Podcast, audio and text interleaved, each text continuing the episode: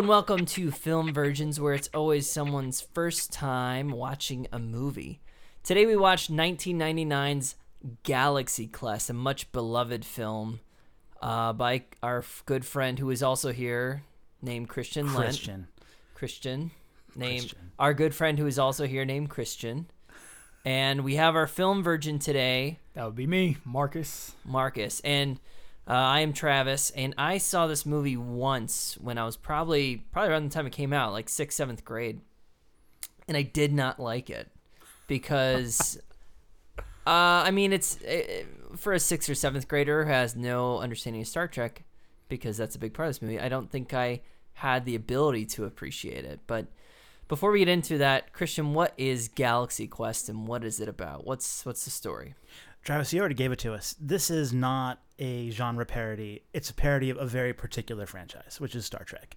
Um, so uh, it doesn't have necessarily generic sci-fi tropes, generic sci-fi uh, parody. It's it's just Star Trek, and it there's a little bit of a mix of different, but for the most part, let's call it um, original series Star Trek and a little bit of TNG, uh, the next generation for all you non-Trekkies. Um, so that's really the source of the parody here. Um, it is uh, absolutely a comedy, um, a little bit of action in there, um, but um, it's about basically um, the cast of a Star Trek type show called Galaxy Quest that are 18 years in retirement and are basically just doing the uh, the the convention circuit and living off of whatever minor royalties they can make on this television show and um, suddenly they find themselves through a variety of circumstances on a real spaceship having to perform actual spaceship tasks uh, in advancement of the main plot um, and uh, I don't mean to give any of that away. That's basically the plot. No, I think that was perfect. Um, Marcus, as the film virgin, what did you think of Galaxy Quest? Well, it's funny. I don't remember the movie being as old as it was, especially watching it and then seeing them jump on their computers and stuff. I'm like, wow, this is really that old.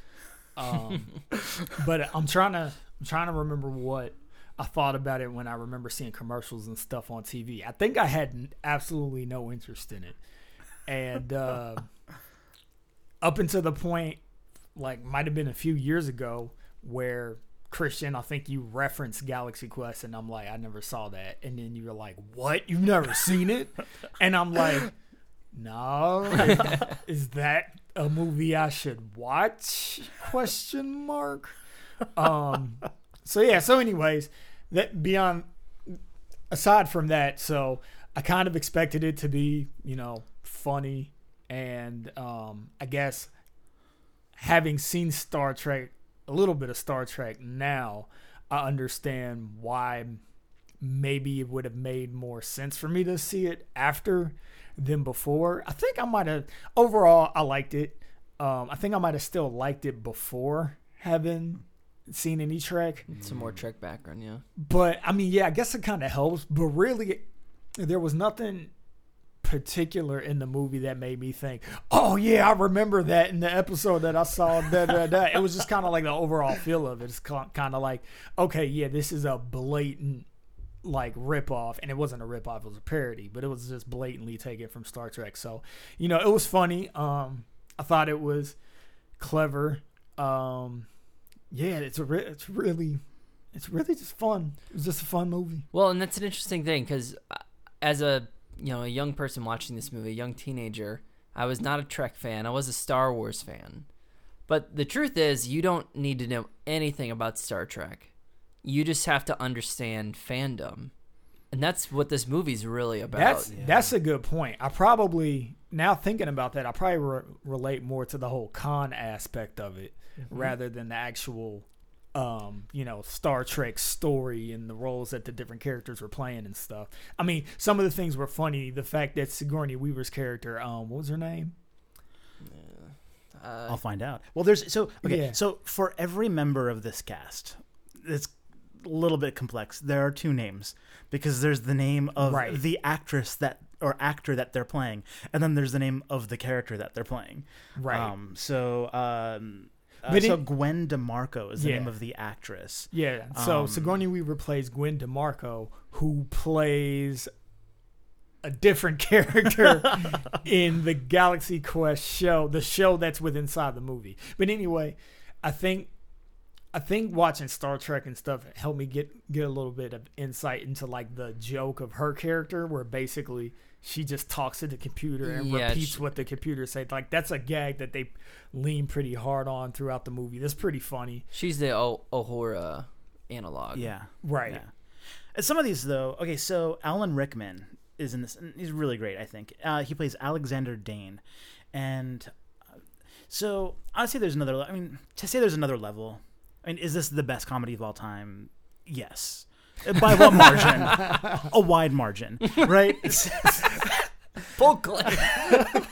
but I stand by it. but no. So you know, I don't want to mean to you know imply that there's tons of levels to this movie, but you know, Alan Rickman plays this guy Alexander Dane, who's a, a classically trained actor who is British, right? Um, and who plays Shakespeare. This is a parody of Patrick Stewart, right? Um, and I think does it make it more funny to know that? I don't. I don't really know. Um, does it give you a little bit more thought about it and maybe just perspective into? Because I think, I think one of the things that I notice about this movie and as a Trekkie that there's a part of this movie that's serious for me, and I think that little bit, that just modicum of serious thought that goes into this movie, I think is so much more rich if you understand, as Travis said, fandom, or understand Star Trek specifically. Yeah, that Uh, makes a- sense. And even the background of Star Trek, because although I agree that Rickman's character is got a lot, a lot of uh, Patrick Stewart in him, there's also a lot of Nimoy. Like ne- there's That's a- what I was was a- thinking. There's a lot of Nimoy. I mean, I, I think if you're just going OG, he's definitely the Spock esque character. I can see that. But specifically, like the competition between Tim Allen, who plays the um, Captain Kirk analog, there is this like fight for screen time. There is this battle of egos that, if my Trek knowledge is correct, actually happened between those two actors. Added with Nimoy, I can't remember the name of his book, but he literally wrote a book. It was something called Forgetting Spock, and was about him trying to like overcome being typecast and pigeonholed as this person and that is the character arc of the alan rickman character is him embracing the character which is actually what the same arc of nimoy in his real life he wrote a sequel follow-up to that book of like i love spock i can't remember what the book I was about to say because he failed. like like Yeah. if that was his goal, but it's cool to hear that in the end he accepted it. I just remember um when he died, one of the memes that I saw floating around was it wasn't even really a meme. It was just a picture of a billboard and it had Leonard Ne- it had Leonard Nimoy as Spock and he's doing like the Vulcan sign, the salutation, Peace or peace and long life, live long and prosper. yeah, live long and prosper. And like it says he did, which I was like, that's pretty clever. I like that billboard. But it's like, yeah, he took Spock to the grave. Not to mention that he reprised his role in the latest um, cinema reboot of Star right. Wars or Star Trek. Sorry, sorry, sorry. Cut it. staying in so leonard nimoy wrote i am not spock in 1975 and then in 1995 he wrote the follow-up i am spock At first, I was like, man, I ain't Spock, and then I was like, all right, I'm Spock. All right, I'm Spock. That's pretty cool. Uh, yeah. So if you have those connections, great. I think it makes the movie even better. I think this movie still works without those.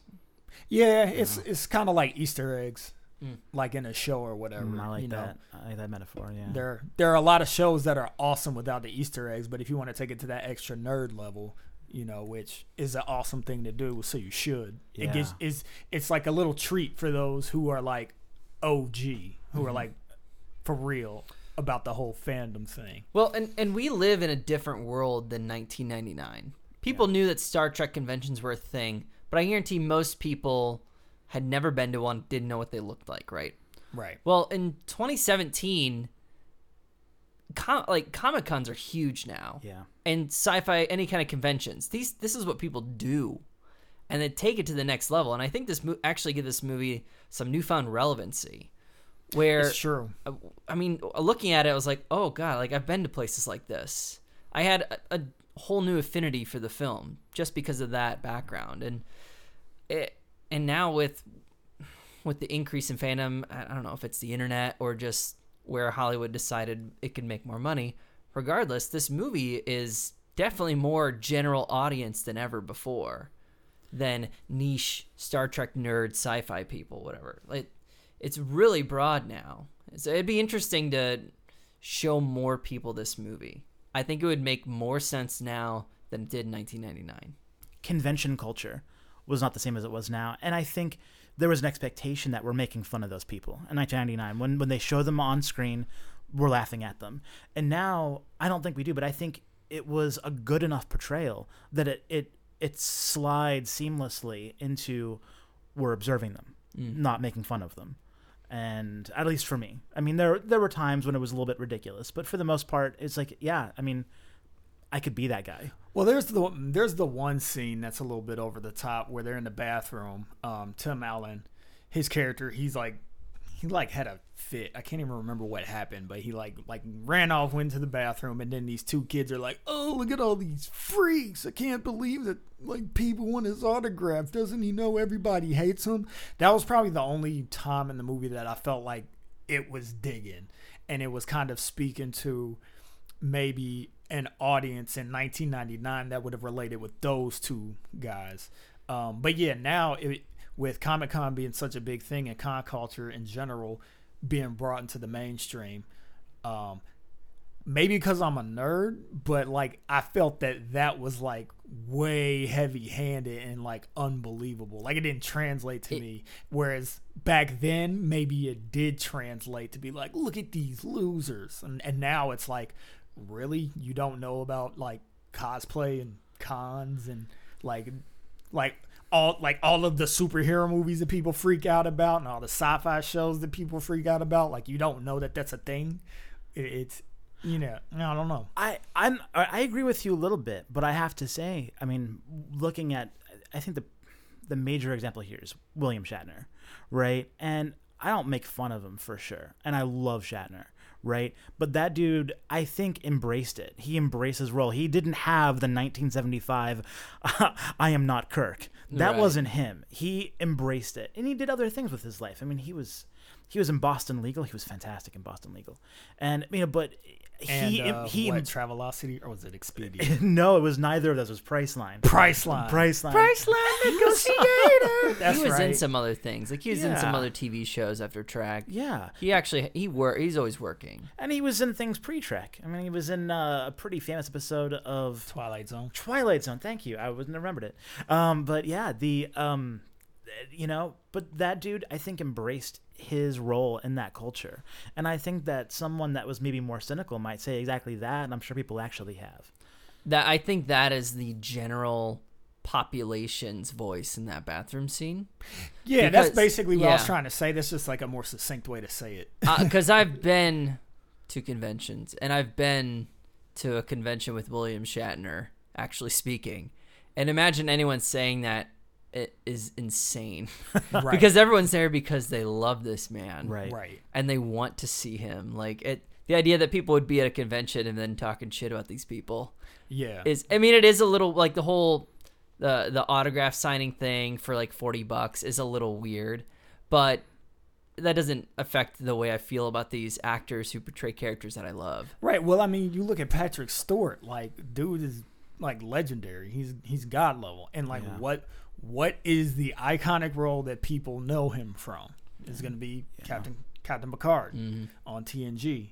Um, and it's like you. I think about characters now. Like, who are all, who are the people we love? We love Chris Pratt. We love him because he was Star Lord. You know, we love um, Hugh Jackman because he was Wolverine. It- It's it's Tobey Maguire, Spider Man. we don't love him because he was Seabiscuit. we we remember that he was Spider Man. we, we we remember that we liked him as Spider Man for one movie and kinda for two. Definitely not for three. So I think I think one thing to maybe understand about this is that it is a Star Trek parody, but there are some elements of this that are not strictly speaking uh, Star Trek like. Uh, one of those is I think the scope of the popularity of this show. Right, there's a scene in the movie where these actors are actually um, they're doing an opening for a tech store right and i think what's important to understand is that even in the late 90s you know uh, star trek ex star trek folks were were headlining pretty big cons where people were paying a lot of money to get in and were you know on panels that were booked to you know to the max right I don't think that um, I would say rather than Star Trek in terms of the scope of fandom here, I think we're talking more like Babylon Five, uh, and Right. in terms of the Yeah, production yeah. quality. Andromeda. of the- yeah. Farscape. okay, I'm not sure if you guys have seen Babylon Five, but Babylon Five, and man, there's a lot to love about Babylon Five. Just top notch writing. The production value though was very tiny, and I've, this I've seen a couple episodes. I, I think I showed you guys the opening. Um, if you watch the opening, it has the exact same level of cheese as the Galaxy Quest opening. It's Which was purposefully cheesy. purposely, yeah.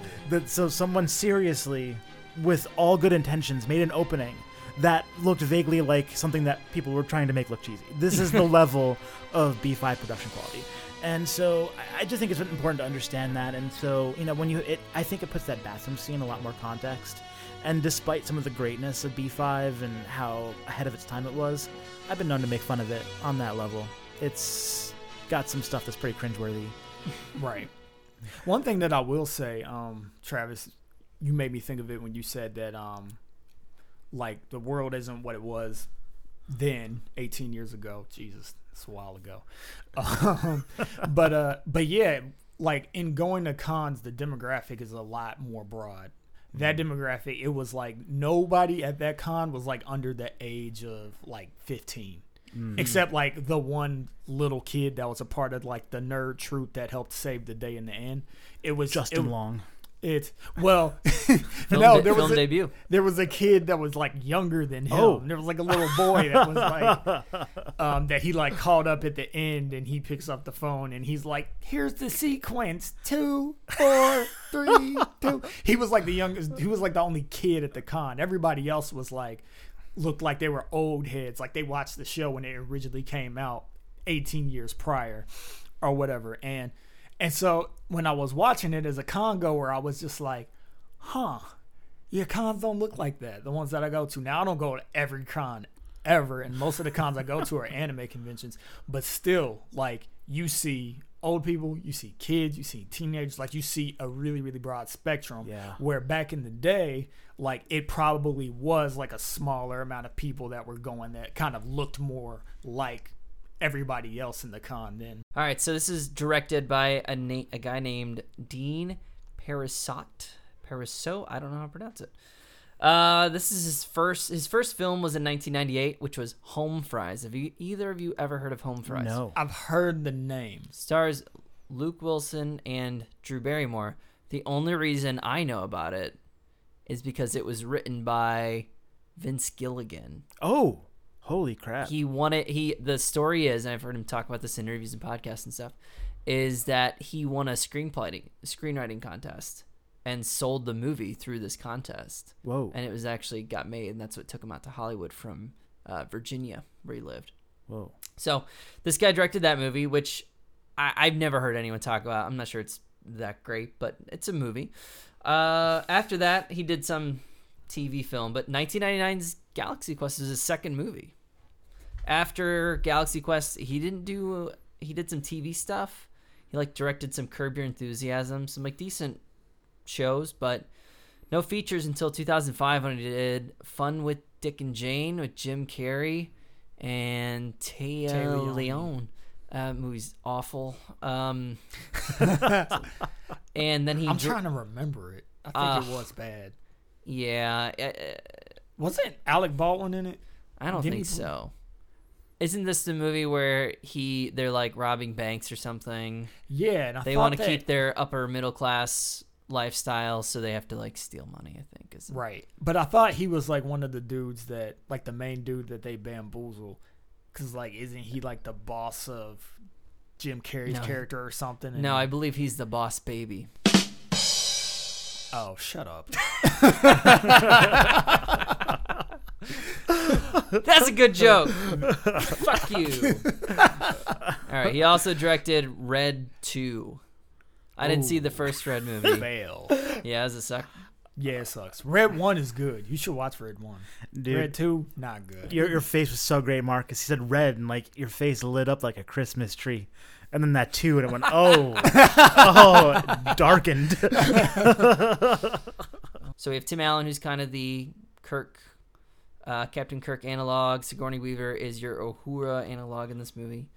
Then Alan Rickman, kind of the Spock esque character. Then we have Slash Patrick Stewart. Slash he's Patrick British. And he's Shakespearean trained. I think there's a lot more as a Trekkie, as the only Trekkie at this table. There's a lot of Patrick Stewart in that dude. I think there's a lot in his actual character in the film. In terms of his role in the fake Galaxy Quest show, I think he's more Spock. I, actually, he's a little bit of Worf in that. Was he a warrior? Worf wasn't a, an advisor though. He was just chief of security. Yeah, but I'm saying like. I'm saying like the whatever strength chant.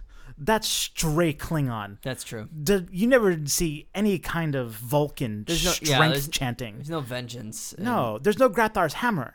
Fair, fair. In Klingon culture, that kind of stuff abounds. So Alan Rickman is a bunch of people Yeah. mixed into one. I think a lot of those guys are. I mean, because there's a little bit of Deanna Troi, honestly, in uh, Gwen. yes, In uh, yeah. Sigourney Weaver's yes, character. yes, yes. Uh, then we have Tony Shalhoub, who was Monk, right? Yeah, he's he's the Monk. Tech Scotty. Sergeant Chen. Yeah, Is he, he's the Scotty, or is he the Chekhov? I don't. Man, I actually I was thinking about this earlier. I don't know who he's supposed to be. Like, so he's an engineer, and technically so was Scotty, but I don't see the resemblance. Right, Uh, and I'm just saying as in role, not necessarily as in ch- like his spirit. Like he was just the tech guy, the guy that basically w- they communicated with. Like, how are the engines? They don't work. so so I don't, I don't know if there was if this was implied in the movie or not but the dude is perma baked right he looks like he's just going through this pretty dramatic marijuana high constantly and That makes a lot of sense because I was always trying to put my thumb down on him. Like I didn't get his character, but Yeah. now that you say that, I'm like, yeah, he must have just been blazed Yeah. the whole time. either that or he burnt himself on mushrooms or something like that and like in the 70s i don't know because one way or another this dude is not right and we don't see a lot of him in the old clips of the show it's very possible that whatever he is now in the present of this movie is not exactly what he was back then Right, he and might they have burnt make himself reference out to it. yeah And that might have also been expanded upon a little more background knowledge in this. This was originally a rated R film. okay I saw a couple spots where they dubbed over. yeah They dropped dubbed some f-bombs They dubbed some f bombs because Yeah. late in the game they they changed it up, and probably for the better. Oh, it wouldn't have made 90 million with f bombs, man. Like Right. you put an R on that, it goes from 90 million to 40 million. You can see some parts where they might have made this like, like there's the where they um uh, transport the monster from the planet onto the ship and he comes inside out. That's a moment where like it was kind of cartoony and fun, and I thought it was great. But if that just like that on paper, like you teleport the thing and the beast is inside out. If this is like at rated R, you could easily make that like yeah. more quote unquote realistic. It, it could have had like Right. red blood Yeah. that would have like put it into that. There's a lot of moments in that movie where if you wanted to up it a bit, yeah. you could. Well, yeah, not you- just in language, but in some of those other. Well, when the little components. baby aliens rip apart like one of their own, like Yeah, that could have been brutal. They, yeah, like they could have. Like it felt like it was Yeah. actually supposed to be brutal. And it's funny because like I felt like a lot of scenes in the movie did feel like a TV edit. I remember the first the first instance where it was obvious that they overdubbed something was um when Tommy, the pilot of the uh of the whatever their ship Played is by called on- Daryl Mitchell. played by Daryl Mitchell, the token black guy. He was also the pilot. He was a kid pilot in the show. He was like three. Well, he wasn't that young. He was like maybe ten or something. So now he's presumably you know like in his late twenties or whatever. But um, he he like yells like, "Can you believe this?" or whatever. But he like completely says, if you look at his mouth, like, "I can't believe this shit" or something like that. And I was like, "Th- wait, "Wait, did you accidentally?" download the TV version. what happened? But no, so that makes a whole lot of sense then. Although th- with shit, they probably dubbed that over for effect. What they probably did is they had to dub over some of the Fs, and then they're like, "Hey, it's our thing. Let's dub over this shit for funsies." Because you don't need to dub over shits in order to get it down to a PG-13. Like you can have a ton of those. Well, and they and say be shit later on in the movie. Yeah. Pretty yeah. sure Tim Allen's character. I mean, you does. can even get Sure. you can even get away with one f bomb, but I think that they were trying to go for that network TV vibe. I thought it worked. Do you guys think an R-rated version of this movie would be better, worse, the same? What do you guys think? I think that I would love to see a rated R movie with this kind of idea about ex Trekkies, but I think it's a very different film. And I don't, I don't think you can do that kind of kitschy, they find their way back into space and a real adventure this time. I don't think that that works with the R, but but that being said, I do think that there might be a more serious version of this film that I could see maybe without that element. And that should be R. That that film should be R. This one that we saw taken almost as is and made into, you know, bumped up from the PG-13, I don't see that working. Mm-hmm. I think I disagree with that because overall, even though I enjoyed this movie, it it was missing a little something for me. So all of those scenes where you could have put it at R, that would have gave it maybe a little bit more spice for it to just be, I don't know, just just more than genu- genuinely fun. If you add a little bit of shock in there for it, and it's like mm. the whole idea is that this whole situation is over the top and out of control. I don't know. To me, that I I think that would fit. Like, what are you thinking? Like interspecies coitus kind of thing with Tech Sergeant Chen, or No, no. Basically, basically, all of the parts where you would imagine that it's R, take that to R. All the shits, keep the shits in. Say a fuck. yeah. Um, Well, Um, no, I mean that's what I was saying. Yeah, that's yeah, the one that's it's. I mean, I, I was kind of being serious. That's one of the things that happens off camera. Like this guy through the making out scene is kind of like ooh, uh, and then right as soon as they go off camera, he he says, "Oh, that's that's not right." No, yeah, yeah. No, that that stays as is. That's funnier not knowing what he's looking at. see, and that's way funnier. and not I agree with that. at. That's why I'm not sure that it. Uh, Travis, you but th- but I'm I'm not saying like, but you can still make it R without changing that scene. I'm saying you can change a lot of the other stuff and then keep that as is.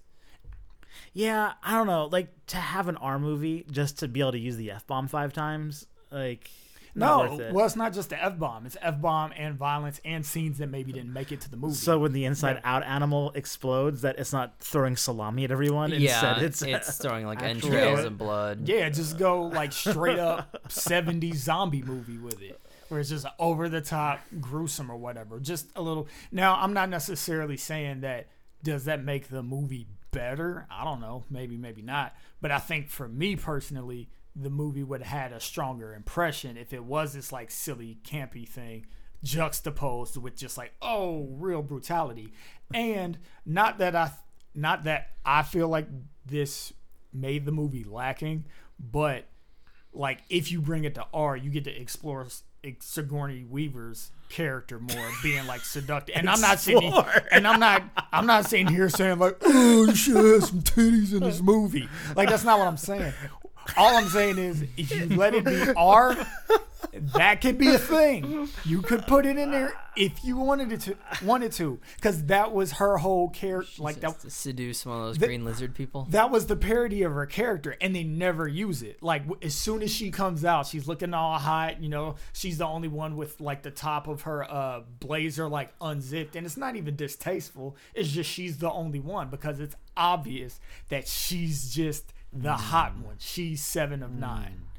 So for her to for her to be that and then they not play that up in the movie is a little bit weird. It's just like, okay, they just made her the one that like repeats after the computer, which is like, okay, that's kind of goofy. It's a little zany, but you know, it's it's tame. All right, she is not seven of nine. Oh my goodness. No, that's- no. I'm I, not I, con- think Chaz Uhura slash Troi. No, I'm not comparing her as far as like, is she seven? If she hot at seven and nine or whatever. All I'm saying is, she's the hot chick in the crew. Seven of nine was the hot chick in the crew. yeah, no, it was Janeway. Shut up. Uh, this is written by Robert Gordon, who wrote Addicted to Love. I don't know that one. Uh, then Galaxy Quest. Next major thing he did was 2002's Men in Black 2. I never And- saw two. Oh, Men in Black 2 is awful. And he wrote the Lemony Snicket movie, with also with Jim Carrey. which was okay. Uh, I didn't see it. Yeah, I didn't. I didn't. Don't know anything about it. So, according to IMDb, he collaborated in the screenplay with David Howard, and the actual story was David Howard. And David Howard, when I was, I was because I was looking in Wikipedia, doesn't even have a Wikipedia article. Oh yeah, he's done literally one thing. So he is he just like a diehard Trek fan? Do you think? I don't know. I was wondering if he's the kind of guy that would have submitted fan screenplays for TNG back in the day, or Voyager. I guess would have been around this time. Um, but yeah, I mean, he really, he legitimately, if you go to his IMDb page, it has really nothing. Uh, I do have an IGN three-part interview from 2000. Uh, Could you read the text of the entire thing in the podcast, please? yes. Be here a while. Uh, this was released on Christmas Day, December 25th, 1999. Had a budget of 45 million, so pretty cheap movie. Uh, and it had a gross of 90. So it was seen as a box office success. Interesting thing. Harold Ramis was initially the director of this film, of uh, Ghostbusters and Groundhog Day, Caddyshack, Okay. Vacation, Analyze This. Analyze this. That's a good movie. Yep. Uh, I enjoy he did that. Meatballs. He did Yep. meatballs. Yeah, I'm pretty sure that was all him.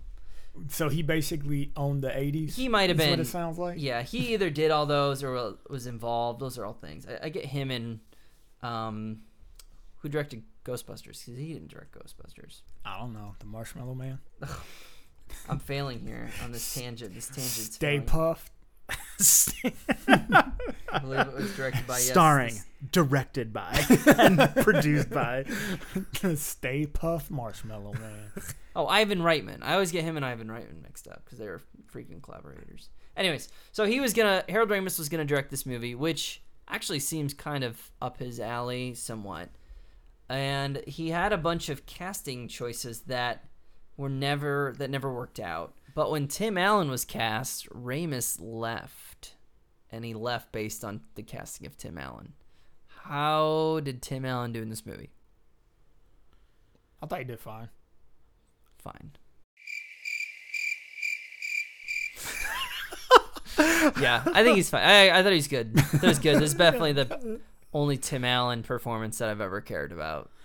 I I thought he was I thought he was really perfect for the role. And I think that I mean I've said this before, but I think sometimes you take your ethos as an actor into the films that you play.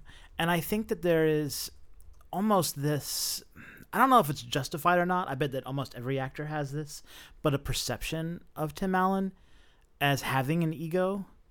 And I think it, that knowledge almost kind of travels with him to this movie, and it's perfect for the part. It's perfect for the part, and he's genuinely funny in parts. He's not the most funny of of the cast. Um, he's not the most convincing of the cast, but he he does a really great job with the role that he has. He's really kind of perfect for it. I don't think Steve Martin would have been perfect.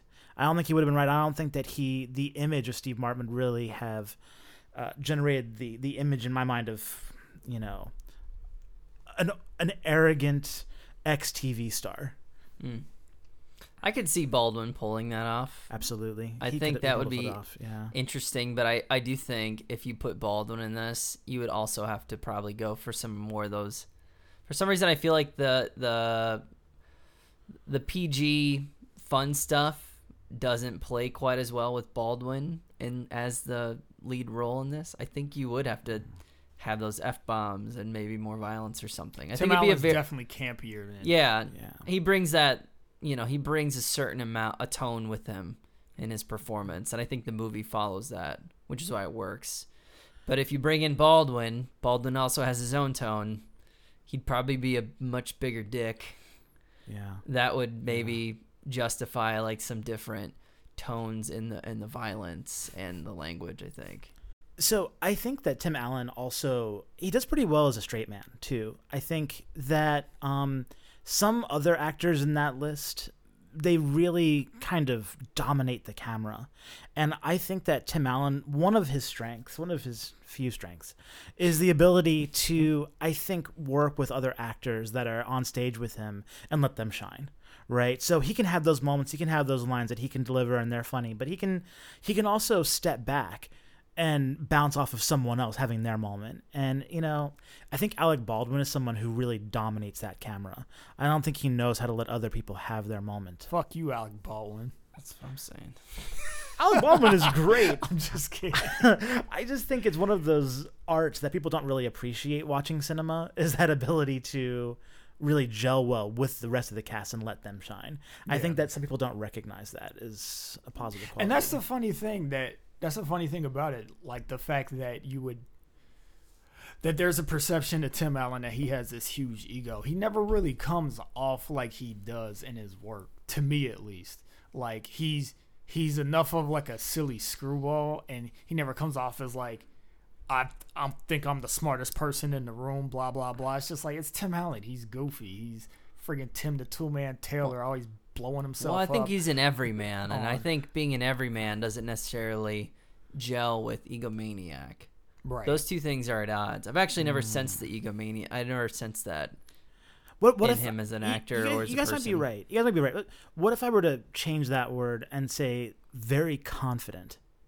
There's like this just oozing with confidence. Oh, yeah. Where in that except works. Yeah, except see. in that bathroom scene, except in that bathroom scene immediately after, the dude is just overflowing with confidence, and it really is the same as Tim the Toolman Taylor. Whatever he's doing, he's just doing it. Right. He's just no questioning, no like it doesn't internal matter if discussion. he's qualified. He decides he's qualified. Yeah, Yeah. yeah, yeah, just doing it. Yeah. Hmm, that's a good observation. I like that. Another young actor, young at the time, but now well established, is uh, Sam Rockwell in this. He was hilarious. He was probably my favorite part of the movie. He's great. That dude's just funny. Was this the same year as Green Mile? I think Green Mile was 99. Yeah. So I mean that I mean I guess he would have been just in the process of breaking out. I think some other pretty big ones. Uh, one was uh, Confessions of Dangerous Mind. So he almost didn't do this movie. He had gotten just cast in this like indie film, and he was about to drop out of it. And, and supposedly, Kevin Spacey convinced him to do Galaxy Quest and stay on it. What? Yeah, that's all the details I have on that. But I read that online. I need to know more. what stake did Kevin Spacey have? I think he was advising him as like a as an up and comer. Mentor. Yeah, it's more like a mentor mentee. Dude, and I have to say, uh, Sam Rockwell was the best cast member. Yeah, he was. He was Easily. Incredible. I think followed closely by Tony Shalhoub. Yeah, That Tony Shalhoub was great. he was yeah. Yes, his character is so weird. Yeah. So weird, I didn't know. I do have to say I enjoyed Tommy though. Tommy was awesome. Especially the good. scene where they're making him pilot the ship. His faces had me dying. I was like, the direction they gave him was look like you're nauseous. look like you're about to throw up. Like think think that to yourself in your head and then watch that scene. And he plays it so well. And then he's just going, Whoa! Whoa! Yeah, I'm like, that's not a sound you make when you're nervous. I don't understand what's happening right now. Like I, I love it, and then when when they crash and he's just like screaming like a baby, like, I'm just like, oh man, this dude is hilarious. I love this. I love this so much. According to the fans at the Las Vegas Star Trek convention, Galaxy Quest was voted the seventh best Star Trek film of all time. That's Whoa. hilarious. When was this vote taken? was it when there uh, were six Star Trek movies? no, it was like 2013, 2014 Oh, because jeez. Into Darkness is in the list. You want me to go through it? yes. for Oh, hold on. Hold on. Wait, Oh, Or hold do you on. want to predict? Do you want to? You know what? I'm I'm sorry. I want to give it a go. Uh, all right. Um, this late, I don't know. I feel like you're gonna get a ton of Star Trek twos in there. Is Star Trek two the first? Star Trek two Wrath of Khan is number one. Okay, cool. All right. So use that. I would say just not since I have this knowledge. Use that to guide the rest of your picks. okay, I'm gonna say Star Trek four, number two. It is not. Okay. Take another go. Uh, okay. ha- well, Do you want to guess placement or just appearance on the list? Yeah, I'll, in say, let me general? let me try to predict some of the top fives. I think Star Trek two, Star Trek four, Star Trek six, and Star Trek eight are going to be all in the top five. Or I would guess that maybe um, Star Trek. I would say Into Darkness might get a spot. I don't know, which is too bad. Uh, You want me to run through the top four? yeah. Top number one, Wrath of Khan, n- which is Star Trek Two. Number two, First Contact, which I believe Is eight. is eight. Yeah. Number three, Star Trek Six, Yep. It's Undiscovered Country. and Star Trek Four, Voyage Home. Top four. Yeah. So you had that. Okay.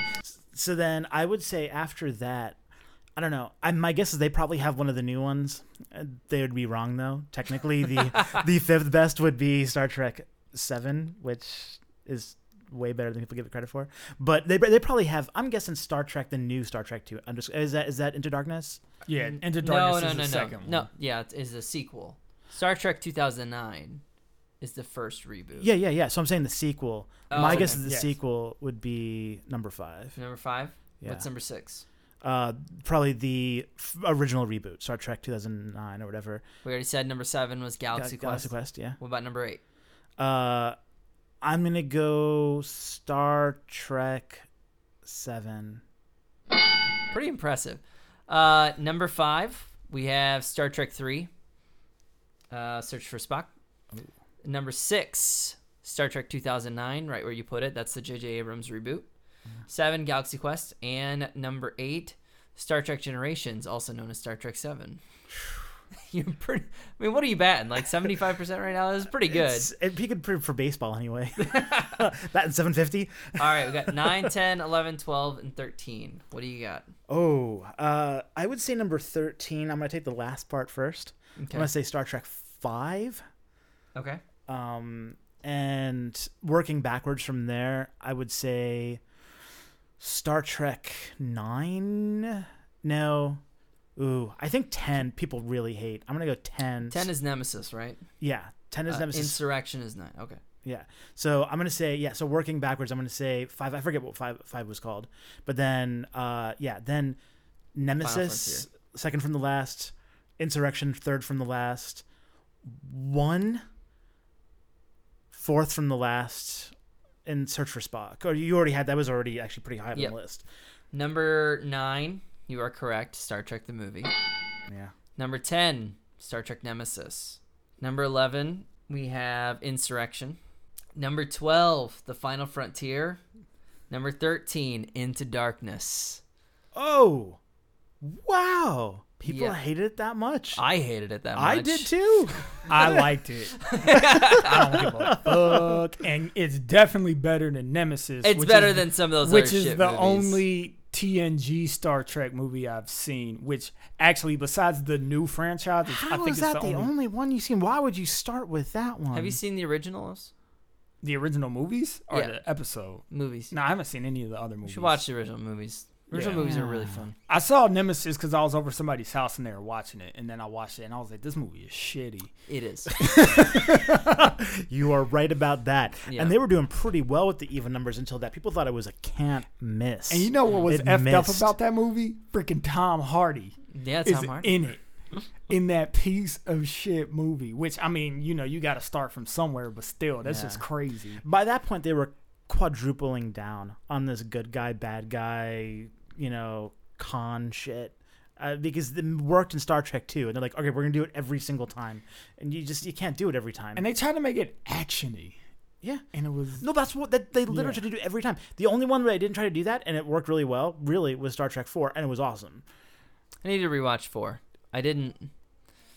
Uh, I wa- I like fell asleep through half of it, and then I picked it up again. I need to watch it start to finish. Blasphemy, I know, I know. I was blasphemy. it was really late. I'd I'd been drinking. I'm just gonna say it's fortuitous that we'd be talking about uh, Galaxy Quest today because this is two days after the premiere of Star Trek Discovery, the first Star Trek show in over a decade. Um, and uh, none of the three of us have watched it, despite the fact that we all subscribe to CBS online service. First streaming service I ever downloaded. I mean, why use only one. Netflix when you can get all the CBS content you want? Um, Also, uh, anytime somebody says CBS, it just sounds like a joke. Because it is. I'm like, oh, what's that on CBS? CBS used to be a thing, man. They used to produce like good content. Not Let's to be say- like a commercial for 1980 CBS, like but Touched like, by an Angel. well, Star Trek. Yeah, it's a joke Down that the makes road. billions of dollars Yeah. from oh, millions yeah. of viewers. Oh yes, it does. Yeah. We- NCIS has been on for 80 years. Oh, the uh, the same cast. Tommy, Tommy in this movie is in NCIS or New Orleans. Oh, is he? That's a show. nice. I didn't know that. Why would you do that? I don't. I don't understand. Oh, Also on TV currently is so we have a new Star Trek show, first one in a long time. Yep. Uh, we also have the Orville on Fox, which is Seth MacFarlane's like Yeah. Star I Trek forgot about that. parody. Yep. something tells me it is. I haven't heard that it's very good. I've heard it's bad, and I, I think Seth Mar- MacFarlane is mostly bad. Any other thoughts on Galaxy Quest?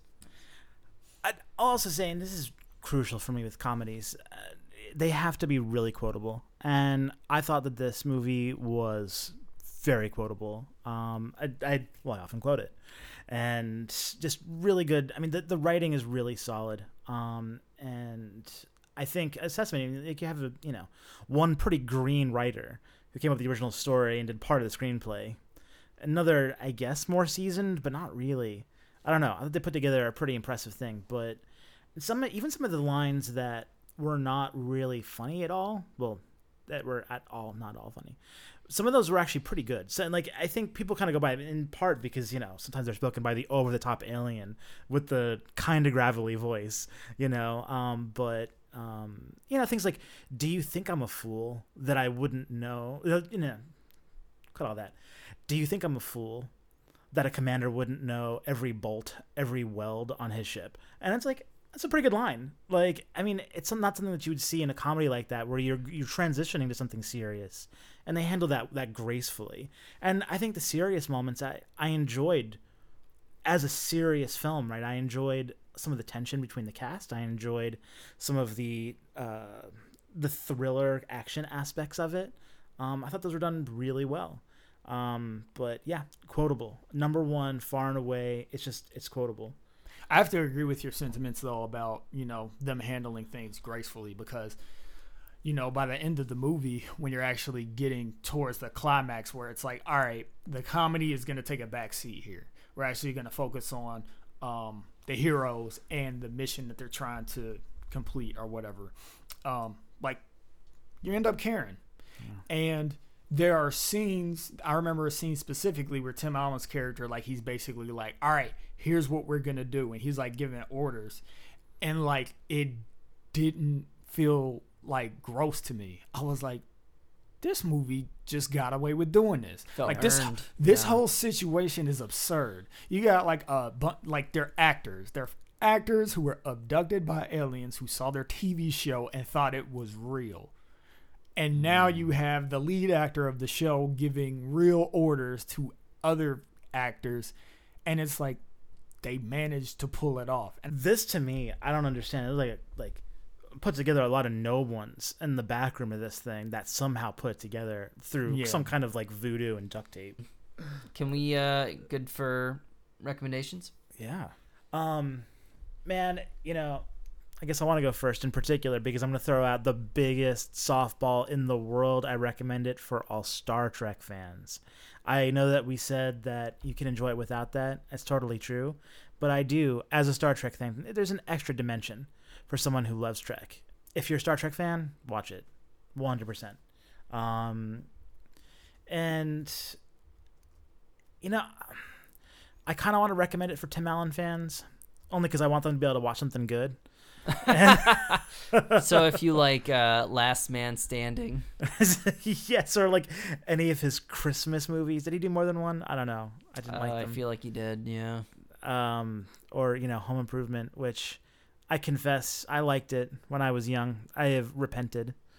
um, Star Trek fans, Tim Allen fans, and maybe folks who like '90s comedy. Because I mean, it's not exactly timeless. It's a great. I think it's a great comedy, but I don't think it's timeless.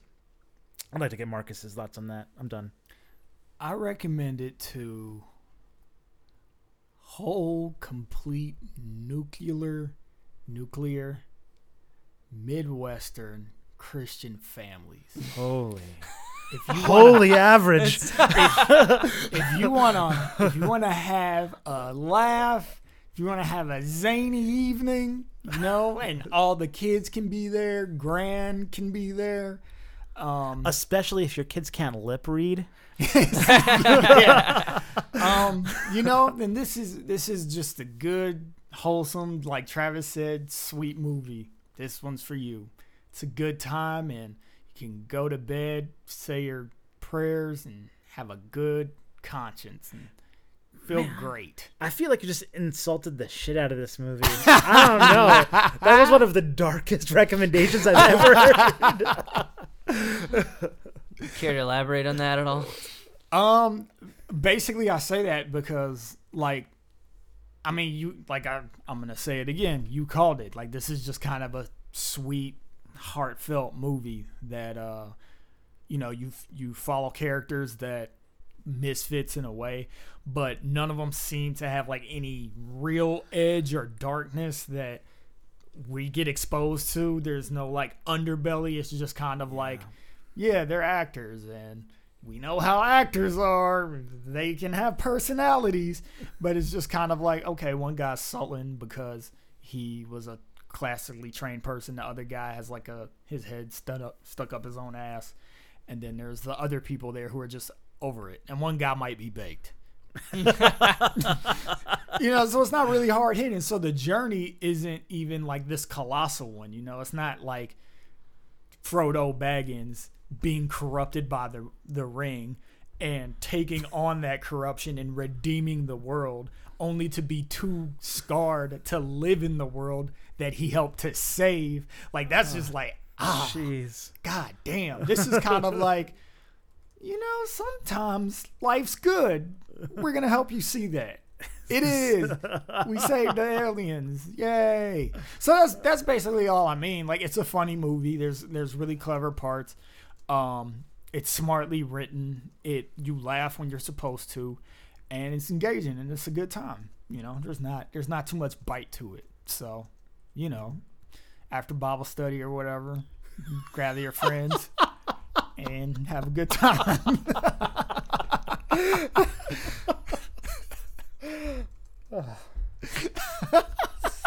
Man. none of that is pejorative by the way that's just what the movie makes me think of Jeez. I would recommend this recommend this movie to anyone who who loves the Star Trek reboots because there's a lot of people out there. There's a lot of newfound Star Trek fans who have probably no connection to the old stuff, but know that it exists and they enjoy those movies. I would recommend this to them if nothing else, because it gives them just enough background knowledge to appreciate what this movie is. I would also recommend it to any anyone who is any kind of geek or any anyone engaged with in fan culture. I think would really click with this film. But most of all, I think this movie's just for everybody. Like I said, I think it's a really sweet movie and it plays for all audiences. It's fun. I actually really do care about the characters. And I'm coming from a place where I did not like this movie. Before coming here tonight to watch it, I didn't know if I would like it at all. I was like, oh, I'm gonna have to like shit on a movie that Christian loves again. I'm not looking forward to that. Too although many times am. in a row. Yeah. but I had the complete opposite reaction where it was like, wait, I really love this movie, and this is a movie I would want to share with a lot of other people just because I think it plays on so many different levels. And allow me to posit this.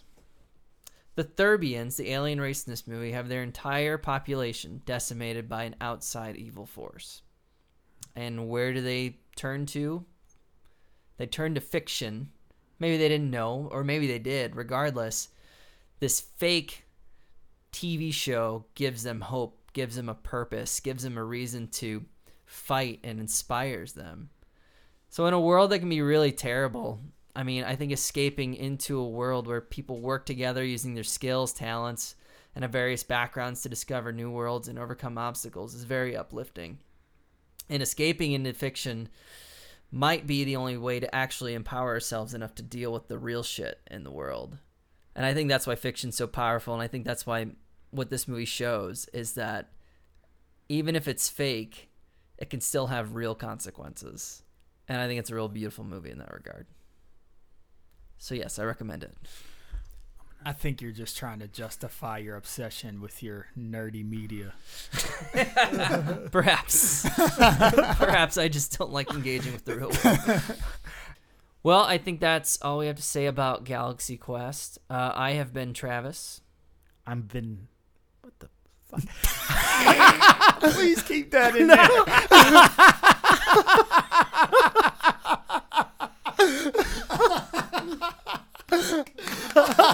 Bravo.